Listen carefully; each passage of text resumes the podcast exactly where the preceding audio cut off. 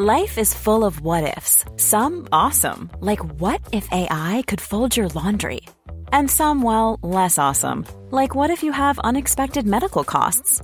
United Healthcare can help get you covered with Health Protector Guard fixed indemnity insurance plans. They supplement your primary plan to help you manage out of pocket costs. No deductibles, no enrollment periods, and especially no more what ifs. Visit uh1.com to find the Health Protector Guard plan for you.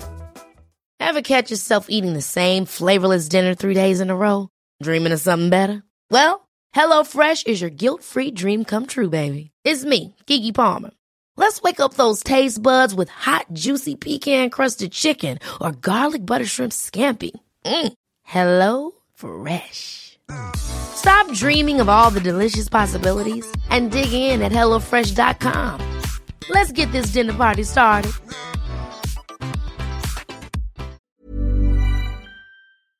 Hallå! Simon Gärdenfors heter jag och snart börjar min podcast Arkivsamtal. Nu den 12 juli så kör jag stand-up i Örebro. Och jag har även gig i Stockholm, Malmö, Lund, Sundbyberg och Motala. Surfa in på gardenfors.blogspot.com för info och länkar om detta. Glöm inte att lyssna på min första stand-up special på Spotify. Sök efter en slapp timme. Och kolla även in eh, min andra podd, Specialisterna Podcast. Som jag gör en gång i veckan med Anton Magnusson och Albin Olsson. Ni får jättegärna stötta den här podden ekonomiskt genom att bidra med en dollar eller två på patreon.com arkivsamtal. Men om ni inte har råd med det så kan ni kanske i alla fall följa mig på Instagram. Där heter jag atgardenfors.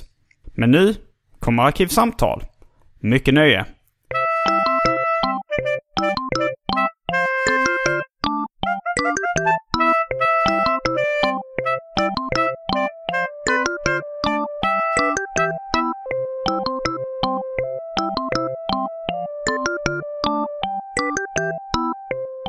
Hej och välkomna till Arkivsamtal. Jag heter Simon Gärdenfors och mitt emot mig så sitter Peter Gärdenfors. Hej. Min pappa. Och eh, du är professor i kognitionsforskning? Ja. Frågetecken. Ja, kognitionsvetenskap heter det numera. Men Det är sam- det, okej. samma sak. Eh, och idag så ska vi bland annat prata om eh, din senaste bok. Som heter Den svåra konsten att se sig själv. Japp. Ehm, den kom tidigare i år och den... eh, vad, vad skulle du säga att den handlar om? Den handlar om hur upplevelsen av jaget eller vårt förhållande till vårt jag har ändrats över tiden. Tidigare var det vår heder och vår karaktär som var i centrum. Men med hjälp av teknikens utveckling så har eh, vi fokuserat allt mer på utseendet som en bestämmelse av vad jaget är. Mm. Nu har ni fått en eh, fingervisning om vad dagens avsnitt ska handla om. Men vi kommer komma in på ganska mycket sidospår också. Eh, vi, vi sitter just nu i, i ditt barndoms, din födelseort. Forsakar. Mm. Som eh, en förort till uh, Degeberga. Ja, okej, förort och förort. Men det är ett väldigt naturskönt område med ett vattenfall. Och Degeberga ligger det, vad, vad, kall, vad är det? Ja, östra Skåne mellan Kristianstad och Simrishamn. Och ehm, ja, här är du född. Japp. Och uppvuxen. Jag bodde här fram till jag mm, gick på gymnasiet då jag flyttade in till Kristianstad. Jag, alltså någon gång när jag frågade dig, eh, alltså är du född på ett sjukhus eller är du född hemma? Nej, jag är född på ett sjukhus. Det är nog. vilket Säkert, sjukhus? Kristianstad BB säkert. Okej, du är inte helt säker. Nej, inte helt säker. För Nej. Jag, för, för det var jag frågade någon gång du inte visste. vi- vi- Då, då sa jag väl skämtsamt så här, är du född i farstun? Och då fnös du mest. Men du tror du är född på Ja. Kristianstad? Okej. Ehm, ja, eh, eftersom vi är då i viss mån i, i ditt hem. Eller detta är ju din mam, min farmors gamla hus. Så får du eh, den här veckan eh, hålla i Välj drycken. Nu har det alltså blivit dags för det omåttligt populära inslaget Välj drycken.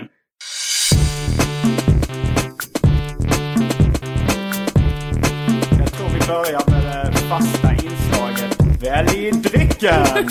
Eh, Och här kommer alternativen presenterade av Peter Gärdenfors. vi har tre drycker här. Eh, den första är äppeljuice som har varit min eh, favorit ända sedan jag var väldigt liten och det kommer förbli min favorit livet igenom. Den andra är en mycket märklig eh, rumänsk eh, spritdryck som heter Palinka de Gutui. Och jag har förstått att Palinka är någon form av eh, fruktbrännvin, ungefär som Slivovic i de jugoslaviska länderna. Eh, jag har inte provat den ännu. Jag har inte provat den men eh min brorsa Dan han sa att den var extremt stark. Att den var starkare än snapsen. Att de nu på midsommarafton då eh, drack istället för varannan vatten drack varannan snaps. För att den här palinkan var så pass stark att man var tvungen att varva med, med snaps. Det ska bli intressant att, att, att prova den. Och som tredje dryck har vi för tråkmånsar och nejsägare har vi vatten. Eh, ja, jag vill ju... Jag tror jag tar både äppeljuice och en shot palinka. Ska vi börja dricka nu? Ja, vad tar du då? Alltså nu? Ja, men jag börjar med äppeljuicen. Okej, du börjar med äppeljuicen. Ja. Eh, den är lite grumlig. Det är för att det är ju hel frukt mal, den är inte filtrerad. Mm. Och vi, du sa innan att vi satt... Ska du ställa den på bordet där så att den dunsar? Eh, sitt, du sa någonting om att vi satt i en äppelodling. Alltså den marken som min mor byggde huset på tillhörde en gång tid min farfar. Den marken som min mor byggde huset på tillhörde tidigare min farfar som hade en äppel och päronodling här. Så nu sitter vi uppe i pärondelen av detta men under min barndom så tillbringade jag höstarna ganska mycket med att plocka äpplen på den här marken. Och, och päron alltså. Nu den här juicen vi dricker inte härifrån men den är från grannbyn Östra Sönnerslöv som har sin egen produktion av, av, av äppeljuice. Ja, men den var god. Ja, den var jättegod. Den är fyllig och fin. Um, men sålde de då äpplena till uh, musteri? Jag åkte med farfar in med stora lastbilen full med äpplen in till musteri till Kristianstad. Och sen körde vi därifrån med ett antal backar med flaskor med äppeljuice. Det, var, det var inte samma safter men ändå. Vi bytte delvis äpplena mot äppeljuice. Ja. Jag vill, eh, jag vill gärna ta en shot av palinkan Då också. provar vi den här farliga Eh, drycken. du glömmer hela tiden att vi inte ska ställa på bordet. Det dunsar för mycket. i- Okej. Och det är några snapsglas. eh, som ser ganska speciella ut. Ja. De är gjorda som en modell av en, en björkstam tror jag. En trädstam. Mm. Ja, skål. Skål! Oh, det smakar rätt mycket som träsprit. Finkel, finkel, finkel. Mm, mm. Mm, ja, det var inte så gott. nej. Men, men ändå. Alltså, Pä- Päron lite grann men mm, mest eh, först smakade det ganska gott men sen en eftersmak av päron, päronträ. Ruttet päronträ. Men vem har gjort de här, uh, designat de här glasen? Det är en lokal konstnär. Han är död sedan ganska många år. Eugen Montelin. Eh, och de här glasen tycker jag inte är särskilt snygga. De är ganska opraktiska och ganska klumpiga. Men eh, han gjorde dem med något småländskt glasbruk och eh, eh, ja, de var väl en halvsuccé skulle jag tro. Men du har berättat lite förr om Eugen Montelin. Inte i den här podden men, men eh, det verkar vara en rätt speciell typ. Ja, han var väl egentligen en liten ma- marginell figur i samhället. Han hade suttit i fängelse för bedrägerier. Men sen kom Alltså han... det är ett sånt... Alltså han kan, Eugen Montelin, det låter som det värsta bedragarnamnet man kan tänka sig. Jag tycker det låter som det perfekta konstnärsnamnet. Och, Tycker du? Ja. Jag tycker det låter som en sol och vårare. Att det låter så romantiskt det namnet. Eugen Montelin, Montelin. ja. Man, man, jag tänker att det är en väldigt opålitlig typ. Det var han säkert också. Han var, han var ju lurade ganska många människor och, och som satt som sagt inne för ett tag för detta. Men sen kom han... Bedrägeri, alltså var det sol och våra bedrägeri? Nej, nej, nej, det var nog han ekonomiska. Jag kommer, jag kommer inte ihåg vad han hade suttit fast för. Jag tror han hade lurat folk under, under kriget på att sälja falska varor eller någonting sådant. Eh, Men jag är inte riktigt säker på det. Men han kom alltså till mina föräldrar som hade drev en tid en restaurangen här i Forsakar. Och så började han bygga en vägg där som skulle vara eh, en trävägg. Och då ägnade han På sig... uppdrag av dem På eller? uppdrag av dem ja. Och han, han, han hade nog börjat någon form av konstnärskarriär då. Men han målade den här väggen, plankorna sandblästrade han så han fick fram trästrukturen i, i brädorna. Och så målade han detta. Men när han väl kom på det här att han fick fram trästrukturen så började han klistra ihop brädor till tavlor och så målade han dem Eh, med ganska mytiska figurer. Alltså det var eh, andar och troll och häxor och så vidare. Som, där knastarna i trädet blev ögonen i figurerna och, och så vidare. Han lyfte fram träets mönster. Mm. Och den här stilen den fortsatte han med. Han blev ganska känd för den under en period.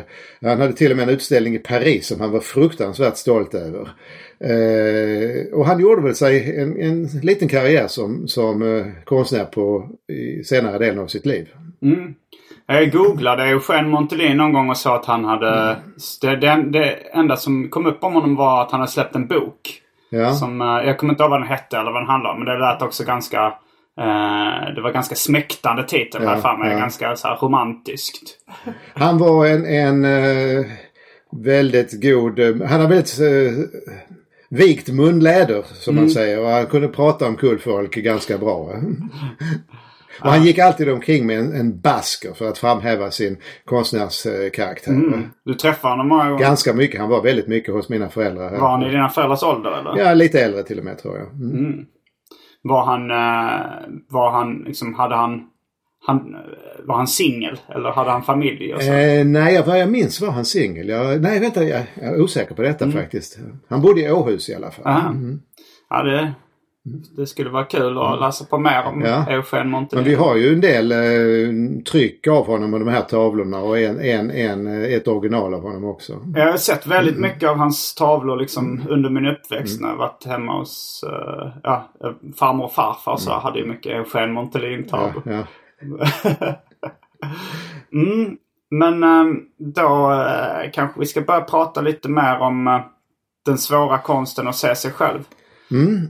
Jag, jag, har tänkt rätt mycket på det här med amen, ganska mycket om uh, självbedrägeri på sista tiden. Jag gjorde, jag gjorde också för länge sedan en seriebok som hette Lura mig. Som då handlar mest om uh, lögner och mytomani. Men där vissa delar också handlar om hur man ljuger för sig själv. Mm. Och hur man uh, för att uh, framstå som bättre och för, för att härda ut livet på något sätt. Uh, och det, det, finns väl ett kapitel i din bok som handlar om det också? Det handlar om självbedrägeri. Alltså, mm. en, en tes jag har i boken är att det finns liksom ingen hård kärna som är jaget utan vi konstruerar vårt jag hela tiden ifrån olika komponenter, våra minnen och våra spegelbilder och, och våra förhoppningar och våra berättelser om oss själva. Och, men den här konstruktionen gör vi så att vi lurar oss själva i viss mån så att vi tycker bättre om oss själva än vad vi egentligen har anledning till. Mm.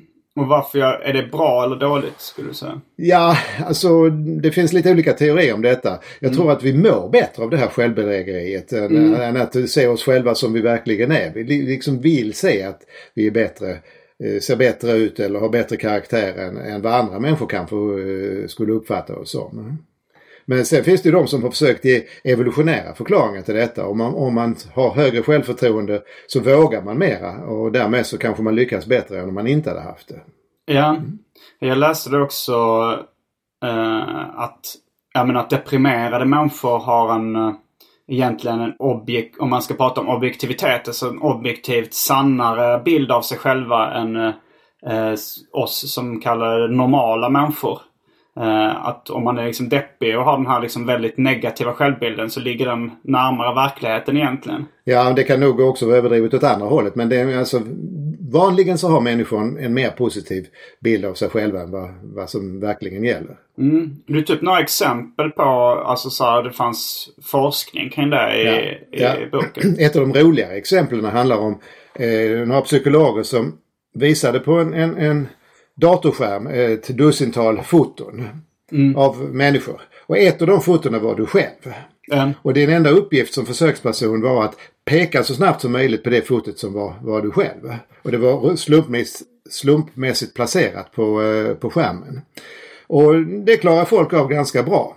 Men trixet med försöket var att ibland så bytte de ut eh, fotot av dig själv med ett manipulerat foto som såg snyggare ut. Du mm. Photoshop manipulerat. Så att det var en vackrare bild av dig själv än i, än i verkligheten. Mm. Och när man mätte tiden det tog för folk att känna igen sina, sina egna foton. Så var man snabbare på att känna igen de för, för, förskönade fotona än de, än de verkliga. Man, alltså, de tolkade detta som att den bild man har av sig själv är, är snyggare än vad den är i verkligheten. Mm. Eh, men jag funderar på det hur... För att om man, om man hela tiden eh, ser sig själv som lite bättre. eh, då kanske det hindrar en lite från att utvecklas. Eller för att, alltså så här, för man måste ju ändå, för att kunna förbättra sig själv eller för att kunna bättra sig så måste man ju först analysera vad man har för problem eller vad som är, vad som är fel. Och då känner jag lite att om man lurar sig själv hela tiden att man inte har några brister. Ja. Då är det ju svårare att, att komma, till, komma till skott och förändra sig Ja. också. Alltså det, vi kan ju ta som ett annat exempel. Man frågar folk om de, om de är med, bättre bilförare än vad genomsnittet är.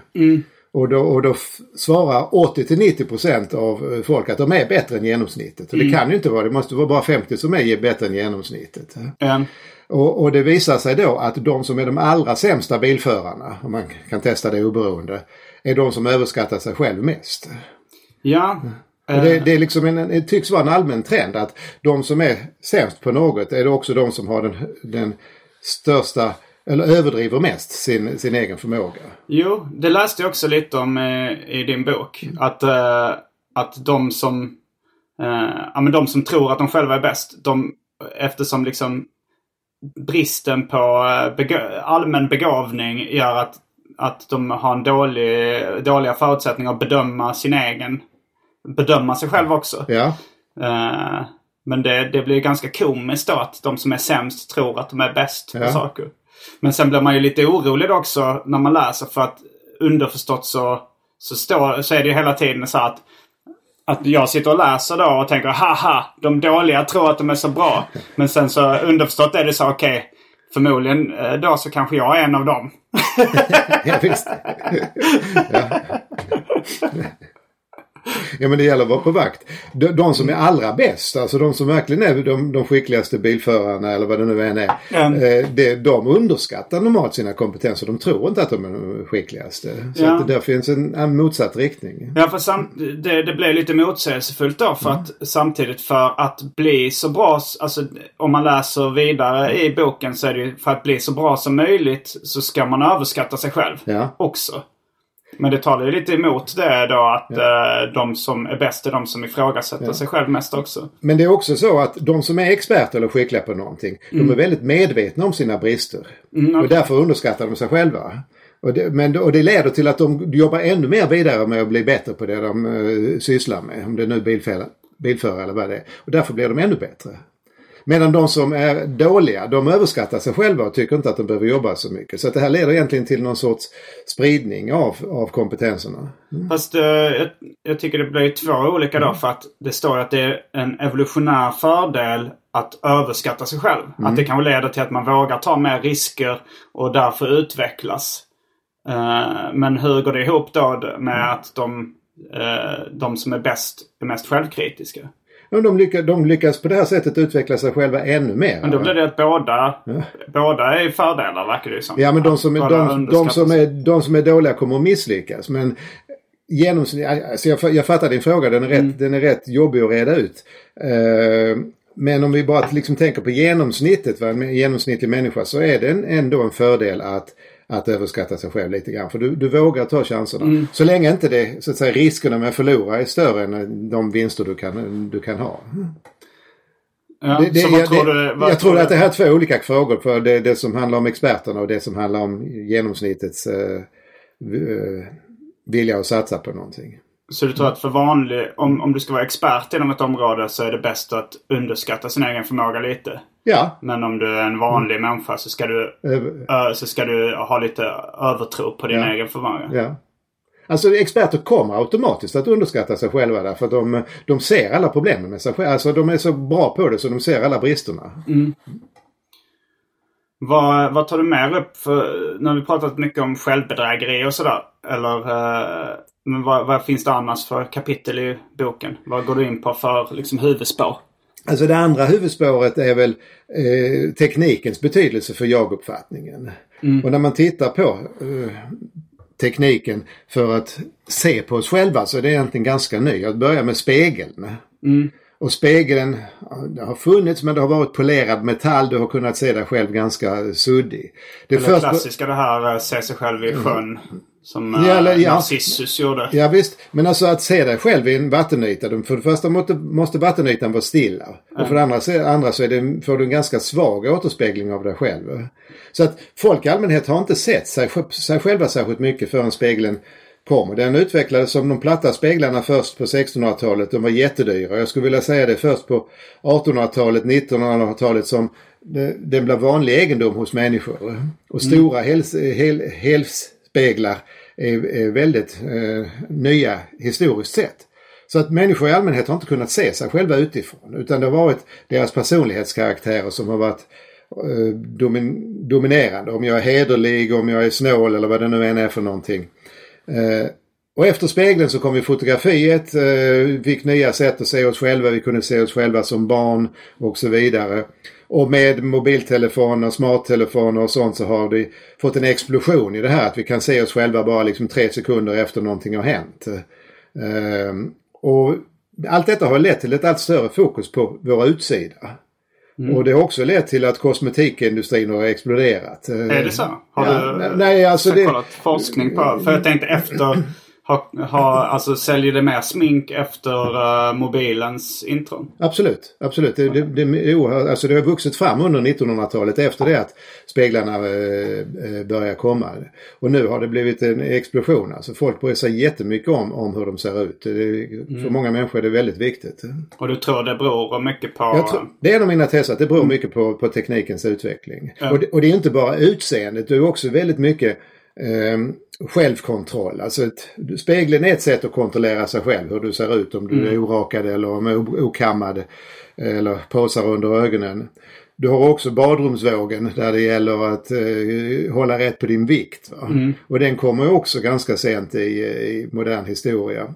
Eh, tredje är ju armbandsuret där du ska hålla rätt på din tid. Va? Du kontrollerar dig själv och det har ganska mycket att göra med med eh, industrialismens utveckling att man ska hålla koll på sin arbetstid. Mm. I gamla eh, lantbrukarsamhället så var det inte så viktigt på, på minuterna när man började. Man, man, började, man följde dagens rytm helt enkelt. Mm.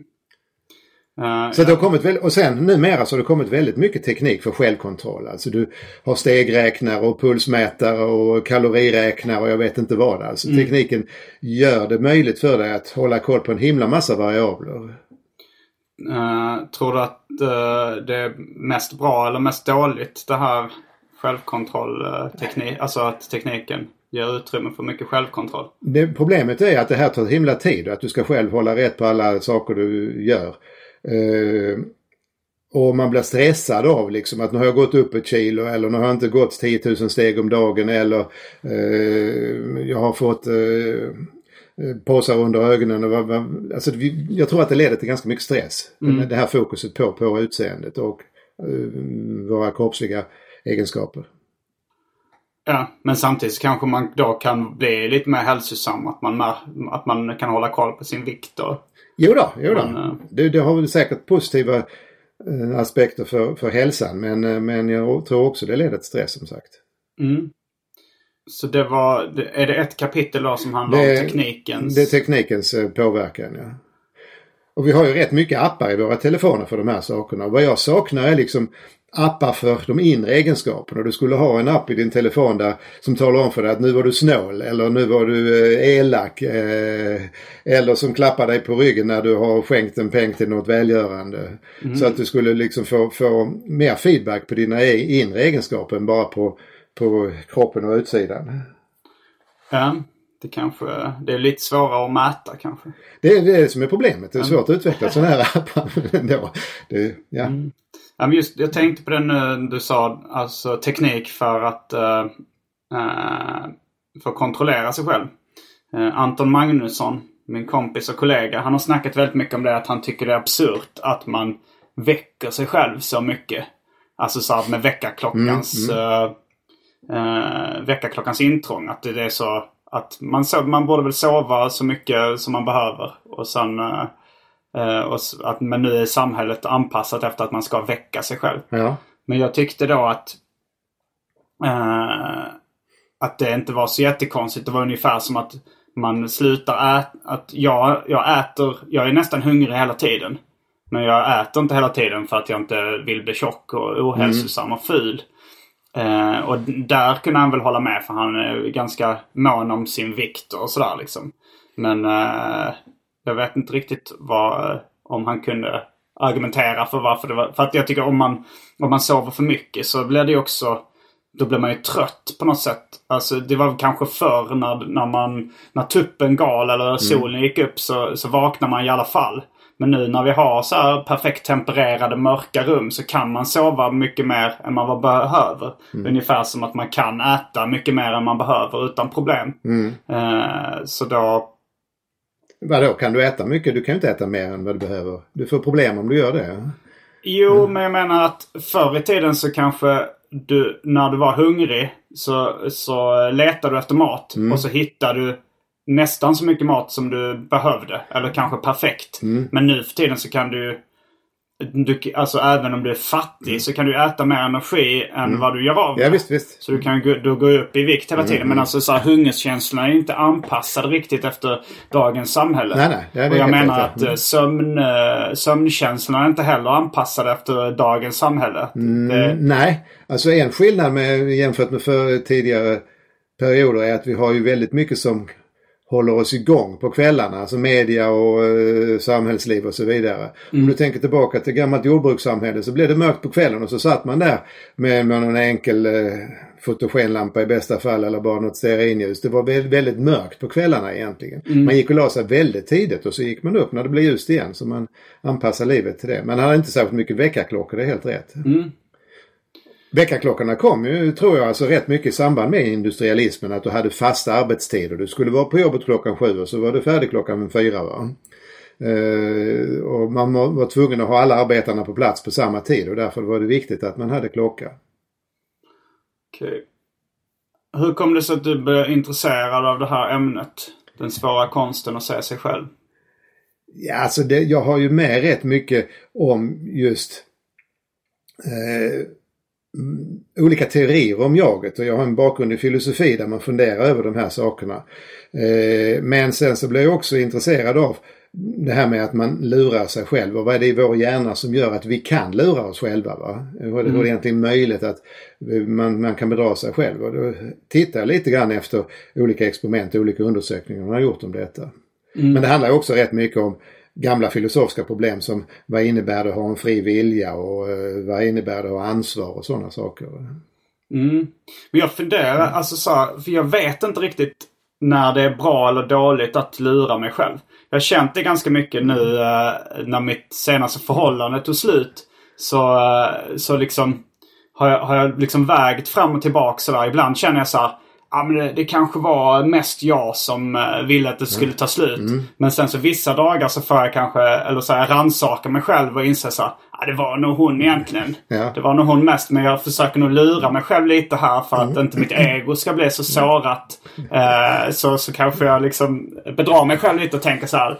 Eh, att ja, men det, det var kanske mer ett gemensamt beslut. Eller? Eh, och då, och då så, så tampas jag lite med mig själv och tänker så här. Ska jag nu, är det bra för mig själv att gå runt och, och, eh, och liksom få ett lindrigt ego så att, och lura mig själv och tänka att ja, men, ja, men det var me- mest jag kanske. Eller ett gemensamt beslut. Eller ska jag liksom, är det bättre att ansikta sanningen och bara så här, okej.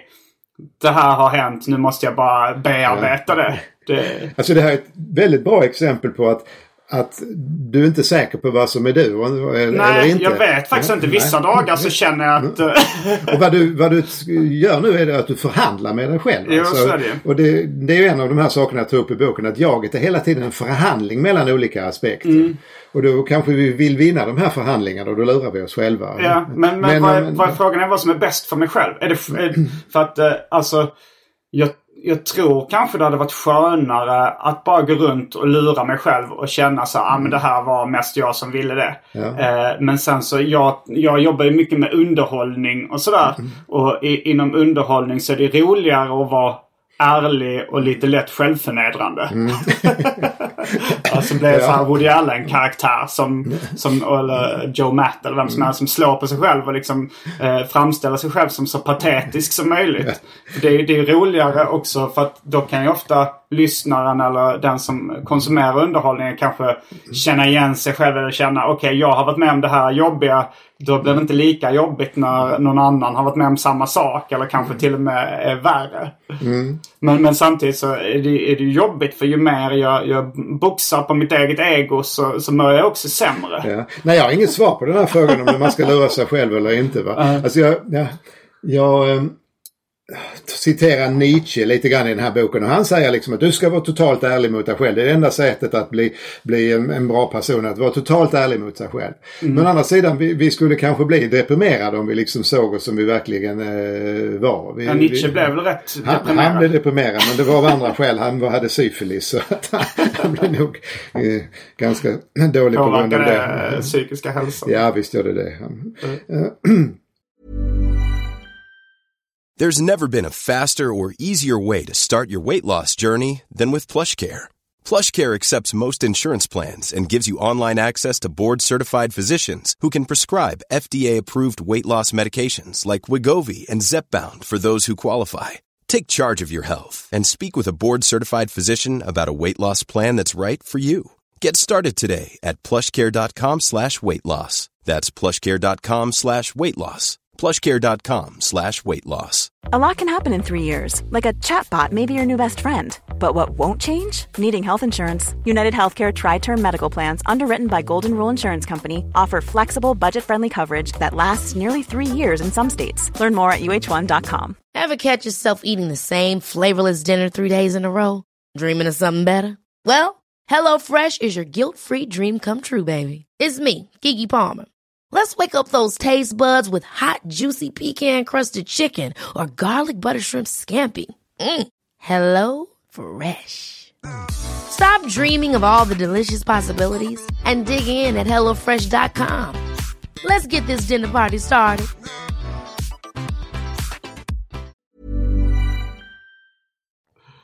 Men en annan aspekt. Jag har ett, eh, Mark Twain sa någon gång om du inte kan lura dig själv så är oddsen dåliga att du kan lura andra. ja. Alltså om du ska övertala någon till, till att göra någonting så är det bättre du själv tror på det än att du eh, medvetet försöker lura, eh, lura andra. Och det har man gjort undersökningar av. Alltså folk som är, är, är de bästa bedragarna är också de som är bäst på att eh, lura sig själva. Eh, Så att man, man ska vara övertygad om det, det, det man eh, försöker övertala andra att göra.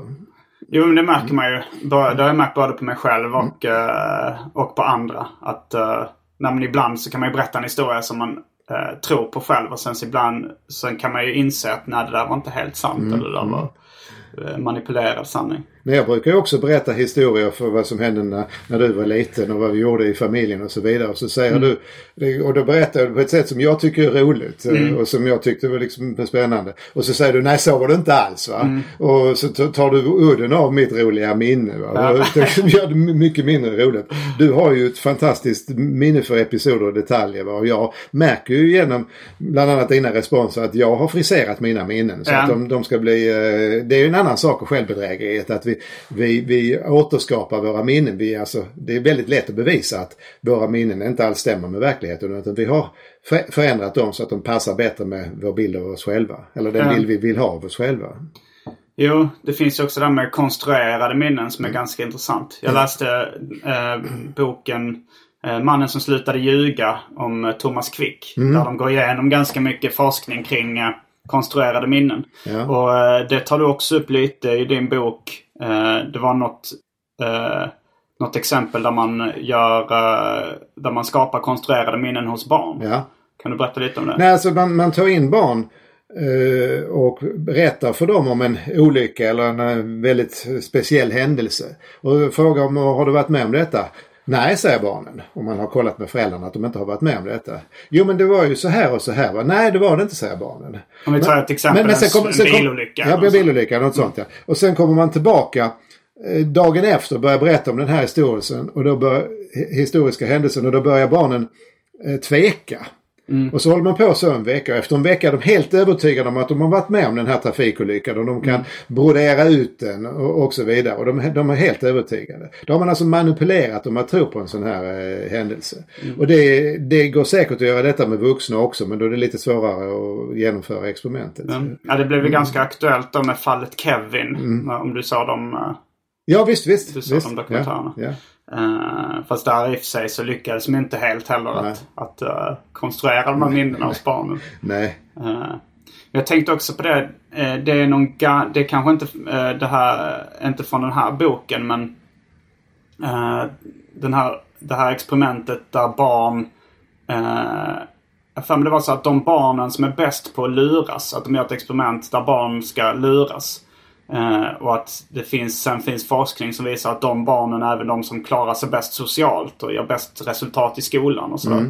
Är det, kommer du ihåg den? Ja, det är det här med marshmallow-testet. Alltså, Är det det? Jag visste att man sätter en fyraåring var det framför en marshmallow och säger du kan äta den här nu om du vill. Mm. Men om du, nu, nu ska jag gå ut och om du väntar till jag kommer tillbaka så får du en marshmallow till. Eh, Och så finns det rätt roliga filmer på de här stackars barnen som sitter där och väntar. Mm. Och de, en del liksom tuschar med fingret och smakar på marshmallow men äter inte upp det. En del sitter på sina händer för att inte äta upp den. En del, någon, någon tittar åt annat håll eller kliar sig och försöker liksom hela tiden undvika den här Mm. marshmallowen. Jo, och det, det, men det är ett, det är ett, det handlar ju mer om självbehärskning. Ja. Att de barnen som är bra på att kunna behärska sig själv, att de får två marshmallows om de väntar lite. Eh, de, eh, de blir bättre i skolan för de, Ja. kan, de kan lägga band på sig själv. Det är ju en form av, eh, det, och det känns ganska uppenbart att de gör bättre ifrån sig i skolan. Men det var en annan undersökning, det kanske inte jag har läst i någon av dina böcker utan kanske något jag sett på TV.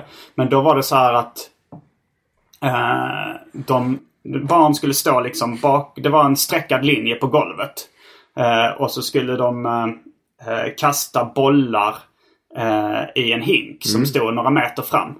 Eh, och ifall de, eh, ifall de träffade alla tio bollarna i hinken eh, så fick de en påse godis. Eller något, liksom, någon belöning. Och, eh, och så, eh, så stod de och gjorde, och, så, och sen så gick då eh, de här försöksledarna, de vuxna, de gick ut ur rummet när det här barnet skulle då stå och kasta, Aha, aha. kasta bollen i hinken. Ja. Eller bollarna i hinken. Men de hade övervakningskameror. Och, och de barnen som då... eh, det var vissa barnen som var ärliga och inte ville fuska. Som stod bakom den streckade linjen och kastade tio bollar. Och, så, och sen så kom de vuxna in och sa ja okej du, du, du prickade inte alla. Då får du ingen godispåse. Eh, medan vissa barn när de såg att de vuxna hade gått ut bara gick fram och la tio bollar och sen så sprang tillbaka och ställde sig och lurades då. Men de kunde ju se, men de kunde se på övervakningskameran att barnen hade fuskat. Eh, Men då visade det sig att de barnen som var benägna att fuska och luras, Mm. de gjorde bättre ifrån sig i skolan och eh, var bättre socialt. Liksom. Mm, Och att det, det, var, det, var, det bevisar lite att det här att ärlighet kanske inte är den bästa egenskapen i ett, eh, i ett samhälle. Nej, i det här fallet är det ju upplagt på det sättet och naturligtvis vi, vi, vi, vi luras väl alla på något sätt. eh, Jo, men folk är olika ärliga. Ja. Och man får ju också lära sig lite, alltså man uppfostras lite till att ärlighet varar längst Mm, och att eh, det kommer gå dåligt för dig i samhället om du är en opålitlig Mm, typ. Men det verkar inte riktigt vara så. Nej, nej. Det finns säkert en balans där och det beror ju på pass... Jo, absolut. Mm. De mest opålitliga går det inte jättebra för. Jag vet inte hur det gick för Eugen Montelin i och för sig. Han Ja, hamnade i fängelse i och för sig. Ja, men det var ju tidigare. Men i äldre dagar så gick det väl hyfsat bra. Han hade en karriär men sen dalade den mot slutet så att det gick inte så bra. De här, de här glasen som vi dricker eh, var nog ingen större succé trots Ja, allt. men han hade väl många järn i elden. sätt. Ja, men- nej men han var också ganska lat. Han gillade liksom att prata och dupera folk. Ja. Så han var en sån människa som eh, liksom försökte få... Eh, han, eh, han köpte ganska mycket trä av, av, av min far, din farfar, därför att han behövde trä till sina tavlor. Men han betalade aldrig dem. Mm. Aha. Och mina föräldrar fick ju tjata och tjata på honom för att han skulle betala. Varför, varför, varför betal, krävde de inte pengar up front då? Nej men alltså det, han var hopplös. Han var liksom, han sa att jag betalar nästa vecka och så vidare och så hände det ingenting. Nej. Eh, och eh, till slut hände det väl någon gång att han lämnade en tavla som betalning istället. Ja. Det var hans sätt att komma runt det. Kanske därför det finns så mycket Eugen Montelin-tavlor i, i det här hemmet. Det är väl en del av förklaringarna, ja. Mm. Mm. Är det några andra delar av boken som vi inte har uh, tagit upp?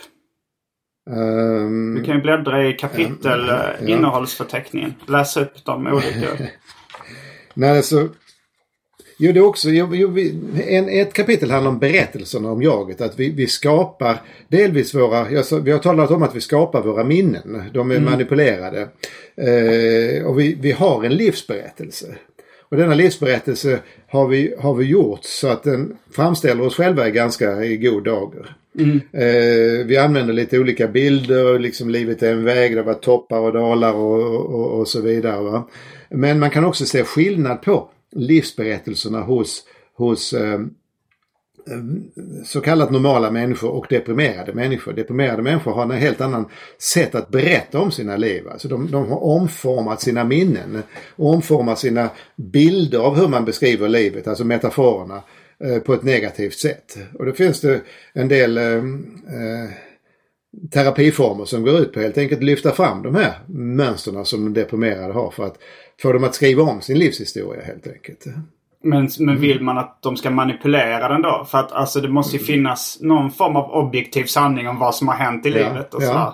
Uh, och jag hade ju läst att uh, de deprimerade hade en mer sann bild av sig mm. själva så att säga. Men är det då poängen att man ska göra en falskare bild för att de ska må bättre, de deprimerade? Nej, men man kanske kan konfrontera dem med sina släktingar och vänner som har varit med och säga att det var inte så dåligt eller du var inte så kass eller det var inte så illa det här. Va? Man liksom kan få dem att ta bort de, de mörkaste minnen man har. Eller de, de som han har manipulerat att bli mörkare än vad de egentligen var.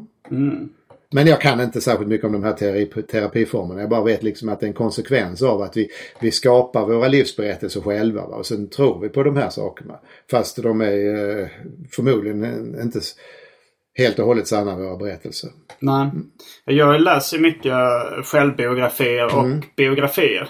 Men då kan jag ofta tycka att uh, de här biografierna som inte är självbiografier, där de mer intervjuar folk som kände den här personen. Uh, den första biografin jag läste om var om Elvis Presley. Uh, då intervjuade de den så kallade Memphis-maffian då som var folk som levde i Elvis närhet. Och då märkte man, och då var det ganska många olika Ibland var det historier som gick isär. Att de, mm. de presenterades. Att en hävdade att det här hände, en annan hävdade att det här hände. Och så får man som läsare själv då bilda sig en uppfattning om eh, vad som har hänt. Mm. Vad som är mest trovärdigt. Och det tyckte jag var ett jättebra sätt att och, eh, och, eh, läsa en biografi på. För jag känner att det är det som ligger mm, närmast mm. verkligheten nästan. Mm. Medan en självbiografi är ofta väldigt uh, friserad. Jag läste komikern Rodney Dangerfields självbiografi. Och och då så, eh, då så berättar han om så här, ja ah, men jag, eh, han hette först något annat, eh, Jack någonting. Eh, och sen eh, bytte han namn till Rodney Dangerfield för han tyckte, ja ah, det är ett bättre namn, det låter mer, eh, det låter mer showbiz och och han, och han, sa att hans fru gillade inte att han var ute och reste så mycket så han försökte ta ett vanligt jobb. Men sen saknade han komikerlivet och kom tillbaks till det. Och det, men sen så läste jag en, en, eh, en bok som heter Comedian som handlar om olika, uh, olika komiker i USAs historia. Och då så var det ett långt kapitel om att uh, Rodney Dangerfield hade varit bedragare. Mm. Att han hade helt mörkat mm. i sin självbiografi. Mm, att han, hade, han var en sån här som efter... Uh, efter... alltså han låtsades vara krigsveteran. Och så gick han till olika änkor som hade förlorat sin sin man i kriget och liksom utförde hushållstjänster till överpriser hos Jaha. dem. Och, och, hade något fejkat liksom eh, certifikat. Och, ja. Och, att han till och med och hamnade i fängelse för bedrägeri och sen så när han då eh, kom tillbaks så bytte han namn ganska mycket för att det inte var förknippat med sin gamla, sitt gamla namn. Som hade det låter ganska mycket som Eugene Montelin. Jo, Vi kanske det... skulle läsa hans bok och se hur han har friserat. Uh, jag vet inte om Eugene Montelins bok är en självbiografi. Jag nej, nej, jag har inte läst det. Uh, jag hade, hade ju hoppats det. Mm. Men, uh, ja, men så på det sättet så är det ju också att någon annans berättelse tycker jag ofta ligger närmare sanningen mm. än, än personen som berättade själv. Men jag tycker också det låter jättebra det här med att ha flera personer som berättar en, en annan persons biografi. För Mm. lite olika vinklar. Och kanske personen själv ska göra det också. Va? Så vi får tre perspektiv. Ja. ja, men så är det ju ofta också när, eh, när man läser. Jag läste, nu är det mycket bedragare som, som kommer upp. Men jakten på Johnny Bode, skandalernas man. Eh, känner du till Johnny Bode? Nej, nej. Han var... eh, Han, han skrev... eh, Han, han var lite könsrockens urfader i Sverige. Han skrev mycket så här snuskiga visor mot slutet av sin karriär. Eh, kanske det mest kända, Runka mig med vita handskar. Okej. eh, Bordellmammans visor. Ja, de känner jag igen som namn. Ja, okej. det, det är han som har gjort dem. Men Okej. innan så var han också en allmän, bara liksom eh, musiker som, som skrev eh, operetter och, Mhm. och sånt där. Men, eh, men där, där är det också, för den boken då, Jakten på Johnny Bode, Skandalernas man. Där har författaren samlat ihop massa, eh, massa liksom berättelser om Johnny Bode. Men de bland annat baserat på Johnny Bodes egen självbiografi som heter Mitt brokiga förflutna. Men den, den säger han att den är så den är så extremt friserad. Den är skriven Jaha. av en total mytoman. Liksom. Det vill säga Johnny Bode. så, att uh, den, den, där har skrivit liksom- själv, okej. ja men det är bra att erkänna sig själv som mytoman. Det, Ja. det är inte illa. Nej, han erkänner nog inte sig. Johnny Bode erkänner inte sig själv, Nej. inte som mytoman. Alltså den- det, mitt brokiga förflutna är då Johnny Bodes självbiografi. Och sen jakten på Johnny Bode, skandalernas man, är inte en självbiografi. Okej, utan okej. den är skriven av en, eh, av en författare liksom efteråt. Som då baserar den bland annat på den gamla Johnny Bode-biografin. Men, men sen så är det så att det är så många otroliga historier. Uh, jag jag har för mig det var liksom i, i, när det kom en ny upplaga av den här jakten på Johnny Bodes skandalernas man så, så var det så här vissa saker som han trodde bara Johnny Bode hade hittat på. Som jag tror att Johnny Bode hade suttit i koncentrationsläger. Ja. Eh, under en kort period då tänkte han så nej det här låter bara påhittat. ja, ja. Men sen så hade de hittat dokument som visade Okej, att eh, okej. det kanske han hade gjort i alla fall. Men att, eh, men eh, hur, hur känner du själv? Alltså brukar du Alltså tycker du det är jobbigt att, att eh, konfrontera dig själv eller så här, att rannsaka dig själv och försöka ta reda på vad som är mer eh, sanning om ditt eget liv? Eller, eller föredrar du att eh, leva i en lögn så att säga? Nej men alltså, man, var gång man blir besviken. Så, Mm. Eller var gång jag blir besviken så, så eh, funderar jag över, är de andra människorna dumma? Om jag får en artikel refuserad av en tidskrift till exempel. Jag Mm. skriver eh, någonting och så blir den refuserad. Och så Mm. tänker jag, har de inte begripit vad jag säger? De dumma lektörer det här eller vad är Mm. det? Eller är artikeln dålig? Va? Jag, vill liksom, jag hela, håller hela tiden på Ja, liksom, den här typen av Förhandling. av, av förhandling mellan mig själv.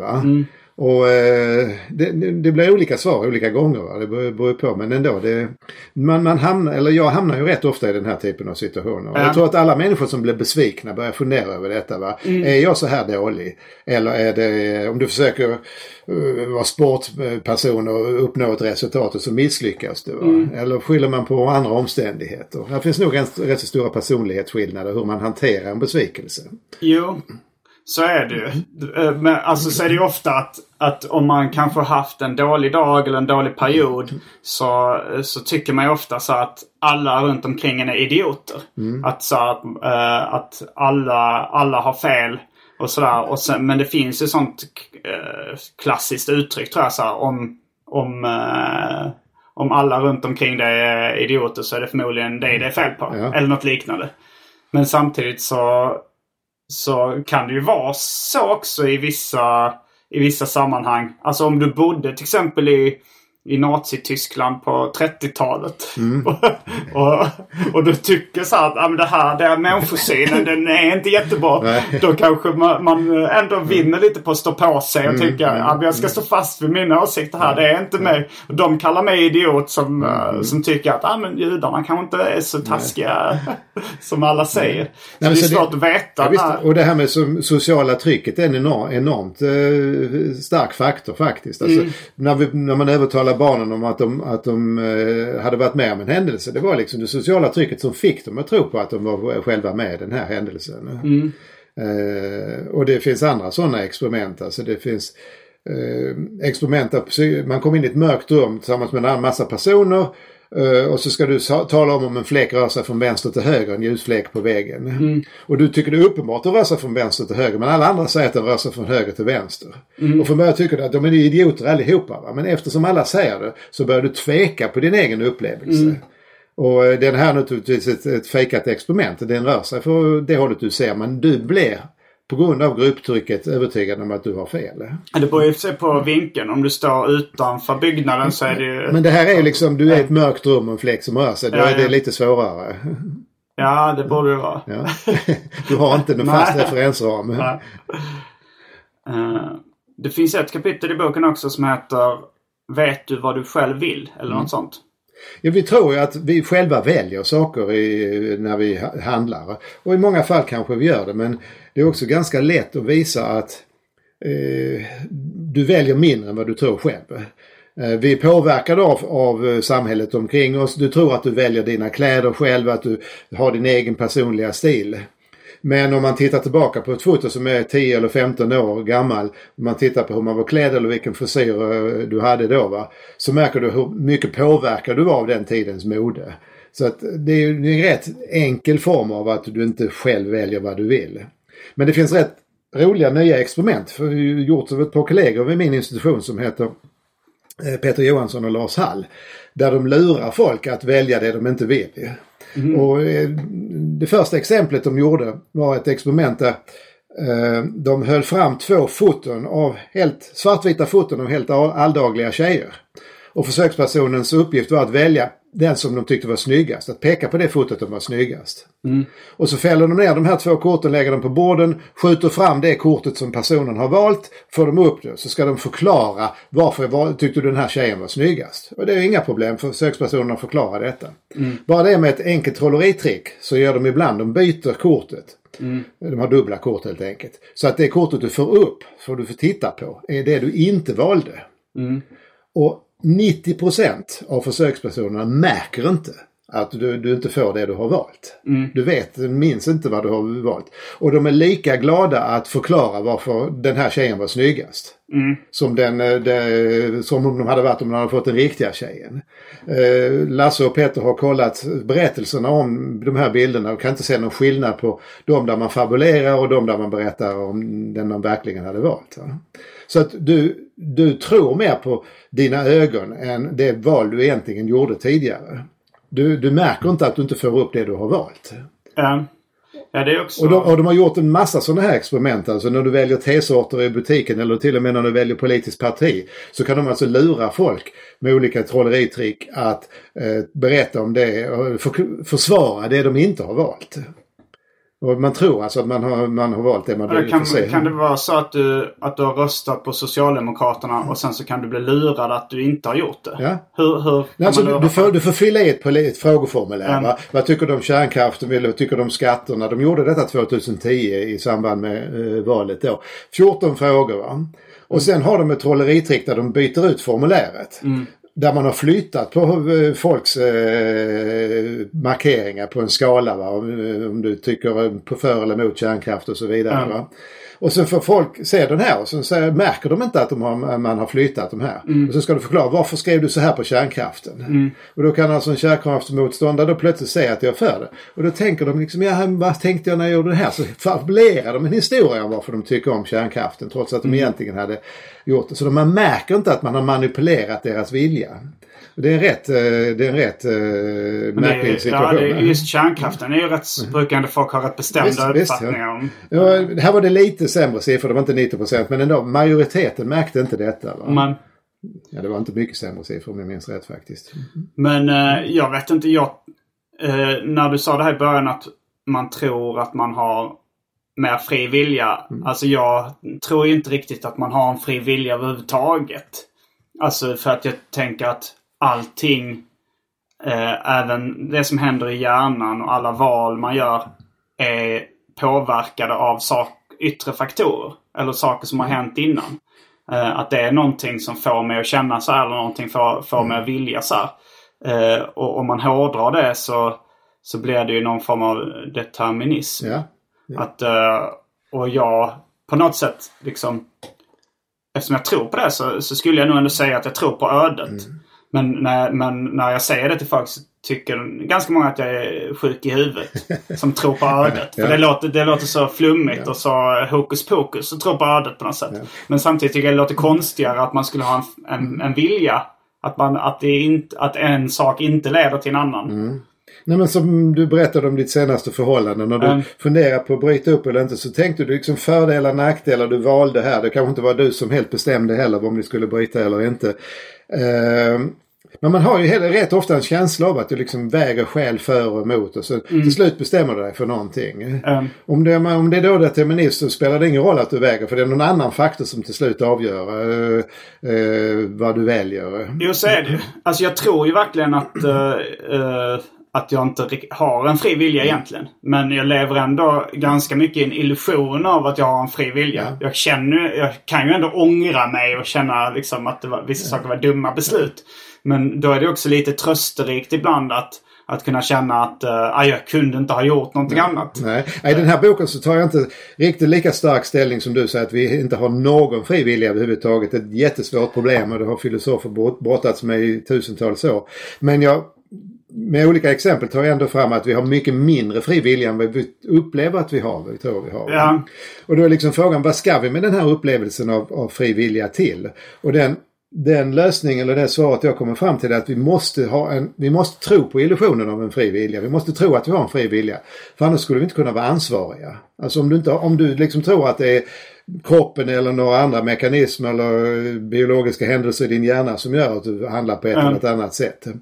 Så, eh, så har du inget ansvar.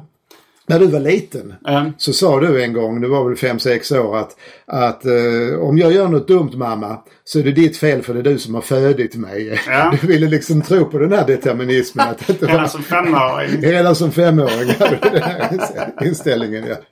Ja. Uh, kunde ni argumentera emot det då? Nej, jag minns inte hur vi argumenterade. Men, Ja, i och sig så då blir det ju mormors fel. Precis, precis och så vidare och så vidare. Ja. Ja. Men den, den kedjan såg du inte när du var fem år gammal. Nej. Nej. Och fem år är rätt bra för att då börjar man bli självmedveten. Man börjar reflektera över sina Mm. egna handlingar och att du inser att du kunde ha valt annorlunda och så vidare. Innan man är, innan man är fyra kan man inte det. Nej. Du måste ha den här självreflektionen. Och sen så fick jag, sen tänkte jag att jag kunde inte ha valt något annorlunda. Alltså Nej, nej precis. Att, eh, visst, det var, du, du skyllde ifrån dig dina, dina felval på att eh, det var hennes, eh, mammans fel. Jo, det är både en trösterik tanke och en lite deprimerande tanke. För man kan ju inte heller vara stolt över någonting eller, Nej. eller känna att man... Då bara, då bara går man runt och upplever det som redan är... Men som tur var då så har jag illusionen av, av fri vilja. Alltså det- det farliga med det här är att nu så använder jurister och försäkringsbolag och vad det nu än är eh, personens genetiska konstruktion som en ursäkt för att eh, han gjorde detta därför att han hade eh, en dubbel Y-kromosom eller någonting sånt här. Så för en viss person har blivit brottsling. Va? Det är en, en sån här kombination som gör människor my- mycket mer brottsliga. Eh, och då har man det som en ursäkt. Va? Och går du väldigt djupt ner i, i genetiken eller din biologi va? så, så eh, kan du nog hitta ursäkter till eller förklaringar som höjer sannolikheten för viss typ av beteende. Eller, eller jag klarar mig dåligt i skolan därför att jag hade en viss diagnos. Va? Man använder diagnoser som ursäkt för att själv, själv eh, inte tar ansvar för sina handlingar. Så att det är egentligen en väldigt farlig trend det här att man hittar de här materiella förklaringarna till ett beteende. För då, då tar man, eh, minskar man personernas ansvar för sina egna handlingar. Ja.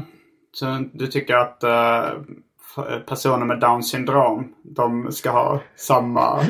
Nej, det, ty- det, ty- det, det tycker jag Samma inte alls. Men, men mm, på grund av medicinens och biologins utveckling så har vi nu massa möjliga förklaringar till Ja, beteende. men så är det ju också så är det ju redan nu i, om du är allvarligt psykiskt störd så får du annan typ av straff än om, om du inte är allvarligt psykiskt störd. Men frågan är hur långt du ska driva den här klassificeringen av folk med olika... eh, Jo, jo, olika eh, Ska vilken bokstav som helst, kombination som helst liksom ursäkta dig för ett beteende. Jo, och eh, nej, jag har haft mycket diskussioner med, med folk då med olika mer eller mindre självdiagnostiserade. Om någon säger att jag gör så här för att jag har borderline. eller jag gör så här för att jag har ADHD eller någonting. Jag brukar säga visa mig papper på det. Det brukar aldrig komma fram några nej, nej, papper. nej. Inte för att folk brukar gå runt med sina papper heller. Men... Nej men din reaktion mot din mamma är ju ett typiskt exempel att vi vill frita oss från ansvar i någon bemärkelse. Men vi kan, Ja. vi kan inte ha ett mänskligt samhälle om inte folk tar ansvar. Va? Då skulle liksom eh, hela samhället braka ihop. Fast samtidigt ifall allting eh, är förutbestämt eller vad man ska. Säga så, så, hade ju inte brak, så hade ju inte brakat ihop heller. För då, då är det ändå förutbestämt att det skulle funka Nej, jag, jag är inte determinist i den bemärkelsen. Är du inte det? Nej, det är jag inte. Du tror, du tror att det var en fri vilja? Men I någon bemärkelse ja, men alltså be mig inte utreda detta för det är saker som jag går och brottas med hela tiden och inte har något bestämt svar på. Ja, nej, jag, jag tycker det, det är konstigt att det skulle finnas lite, lite fri vilja som man kan liksom, man, man bara anstränger sig så, så har man en, så kan man liksom genom ett magiskt trollslag få, få saker att ändra sig. Det tycker jag låter lite orimligt. Men vilka, Alltså det, vi, vi lever ju hela tiden i en konflikt mellan mm, två tidsperspektiv. Alltså du har en kropp som säger att du, du är hungrig nu, du, ska, du vill äta något godis, du vill röka, du vill supa, du vill göra massa saker som du vet är dumma på det, ett långt perspektiv. Att du, i, i, I långa loppet skulle du inte må bra av att göra de här eh, grejerna. inte för mycket. Inte för mycket, nej precis. Och den här balansen brottas ju alla människor med. det gör. Eh, och det är, ju- det är ju där den fria viljan kommer in. Om du kan liksom ibland välja att avstå från dina lustar eller om du eh, faller för dem. Vem är det som ska bestämma egentligen? Mm. Ditt kortsiktiga jag eller ditt långsiktiga? Men om man har sjukdomen alkoholism. Det, Då kan man inte Nej, bestämma. då kanske inte. Nej, men det, vilka, vilka teorier liksom finns det? Vilka är de ledande teorierna angående fri vilja? Alltså det, det jag citerar nu, eller refererar till nu, en, en filosof som heter Harry Frankfurt som säger att Harry Frankfurt. För Harry Frankfurt, ja. Han är en amerikansk filosof och han, eh, han eh, säger att en människa har inte bara en vilja. Alltså massa djur har vilja. Det är liksom ingen konstigt. Utan vi kan välja vår vilja. Vi, vi har en Ja, andra, ja. andra ordningens vilja. Vi kan välja att bli alkohol, att eh, sluta dricka. Va? Mm. Eller vi kan i någon mån välja att bli alkoholist, det vill säga strunta i framtiden. Vi kan välja att ta droger eller att inte ta droger. Så vi kan välja vad vi vill. Och vi, men, men det här valet är Men apor kan inte det? Nej, de kan inte det. Eller mycket, mycket begränsat. Jag vill inte säga att de inte kan det. För att varje gång man säger någonting om djur så kommer det om ett par år en, en forskare som visar att de kan det i alla fall. Va? Så att den här gränsen är väldigt svår att dra. Men i alla fall.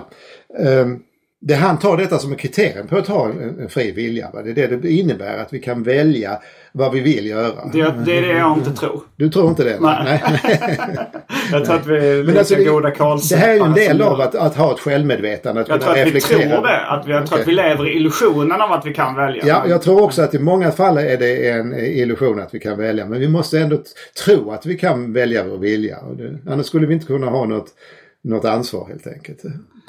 Du, du, alltså, du blir straffad för rattfylleri där, eh, därför att du har valt att dricka trots att du vet att det kan vara farligt eh, att köra bil efter detta. Va? Då har du valt en, eh, gjort ett val där.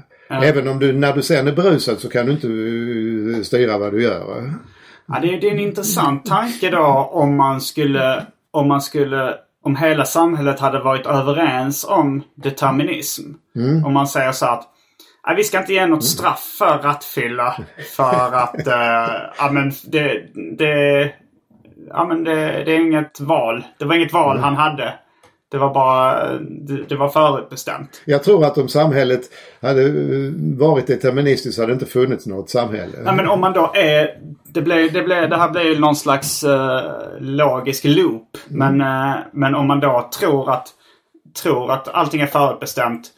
Då tror man ju även att det var förutbestämt att vid en viss tidpunkt så skulle man sluta straffa folk. Och då så skulle det... eh, och då skulle kanske samhället gå mer åt helvete. Men det finns inget man kan göra åt det. Att, eh, Nej. Nej.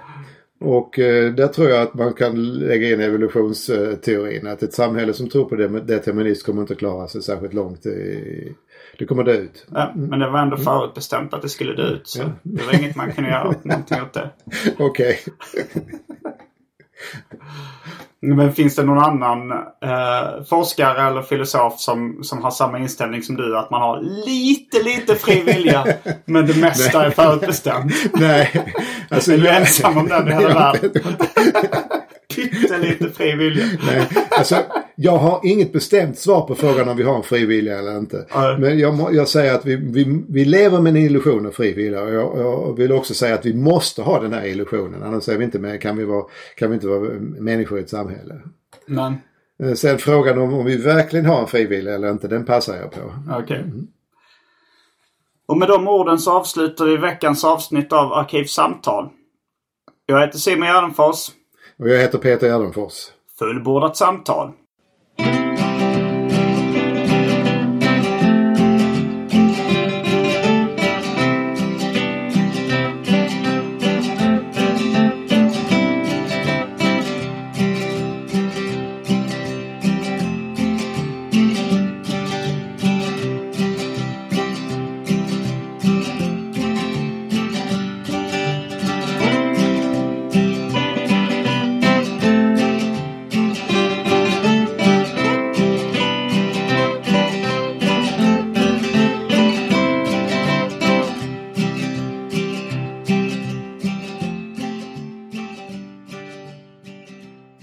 Till min klippare Marcus Blomgren. Följ honom gärna på Sveriges minst uppskattade Instagramkonto, at Marcus Brumgren.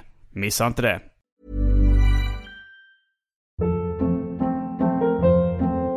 Hold up. What was that? Boring. No flavor. That was as bad as those leftovers you ate all week. Kiki Palmer here, and it's time to say hello to something fresh and guilt-free. Hello Fresh. Jazz up dinner with pecan-crusted chicken or garlic butter shrimp scampi. Now that's music to my mouth. Hello Fresh. Let's get this dinner party started. Discover all the delicious possibilities at hellofresh.com. Even when we're on a budget, we still deserve nice things. Quince is a place to scoop up stunning high-end goods for 50 to 80% less than similar brands. They have buttery soft cashmere sweaters starting at $50, luxurious Italian leather bags, and so much more. Plus, Quince only works with factories that use safe, ethical, and responsible manufacturing. Get the high-end goods you'll love without the high price tag with Quince. Go to quince.com slash style for free shipping and 365-day returns.